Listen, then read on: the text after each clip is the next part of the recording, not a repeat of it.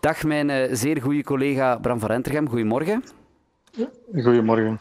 Um, schrik je eigenlijk van, van het feit dat het, dat het Zuidstation de voorbije dagen zo in het, in het nieuws is? Uh, oh, dat was eigenlijk inderdaad ook zo vijf jaar geleden met het Noordstation. Dat uh, sleepte uh, ja, maanden aan en opeens is daar de vlam in de pan en springt iedereen erop, springen alle politici erop, alle media. Dat is nu wat hetzelfde, want iedereen die daar vaak passeert weet dat dat iets is van de voorbije maanden, voorbije jaren zelfs. Mm -hmm. ja. Ik durf zeggen dat het Zuidstation nooit een aangename plek is geweest, maar het klopt wel dat het de laatste tijd nog erger geworden is. Dus nee, schrikken doe ik niet. Ja, je schrijft het is een PR-stunt, het is een symptoombestrijding. Enfin, het is een beetje alles wat er over geschreven wordt. Het klopt allemaal wel op een bepaalde manier. En anderzijds zijn er natuurlijk veel plekken in Brussel die aangepakt moeten worden. We hebben bijvoorbeeld, denk ik, vorige week nog gezegd, het Zuidstation. Ja, ja, maar wat dan met het Noordstation?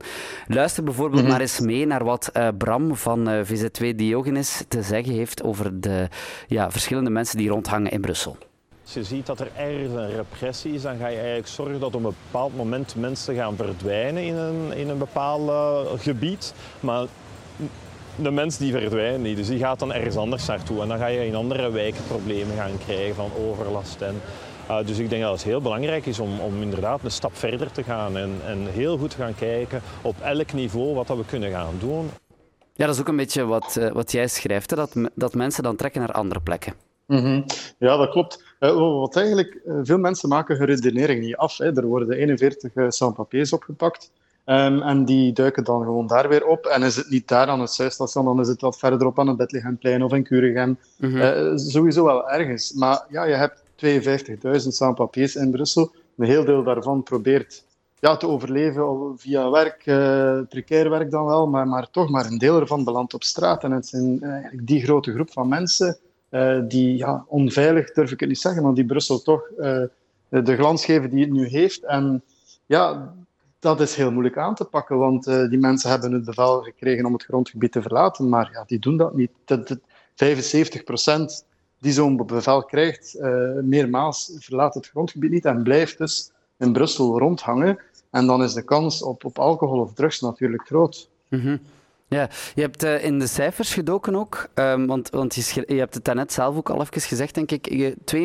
52.000 mensen, geloof ik, hè? Uh, de, de ja, dat is een schatting. Ja.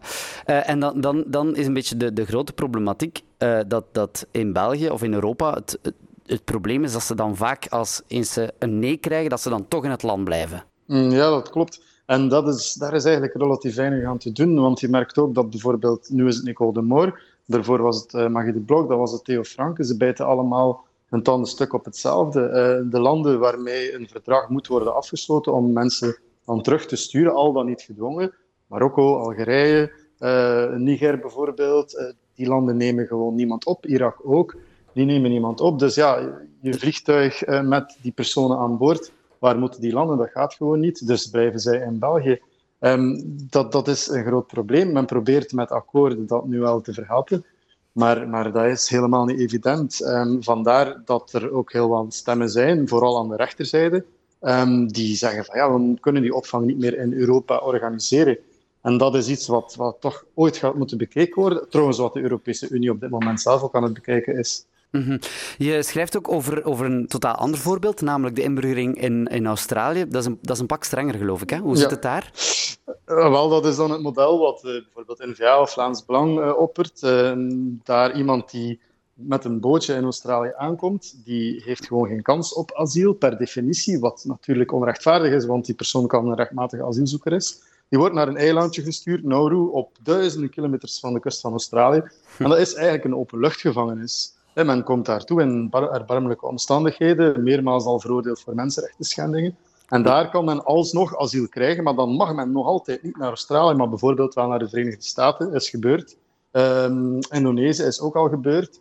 Maar het idee is dat die mensen op die manier afschrikt. En in ruil worden dan een 18.000-tal mensen eh, met het vliegtuig van overal in de wereld gehaald die wel asiel krijgen. Mm -hmm. Op die manier, ja, natuurlijk leg je de instroom droog. Maar het gaat wel ten koste van heel wat. Plus is het in Europa werkbaar. Ja, Mensen ja. zullen hier toch nog toekomen. Ze hebben geen boot nodig. Dus er zijn honderden landroutes. Dan staan, staan ze hier toch in Brussel. En, en ja, je kunt ze geen ongelijk geven. Ze ontvluchten de miserie.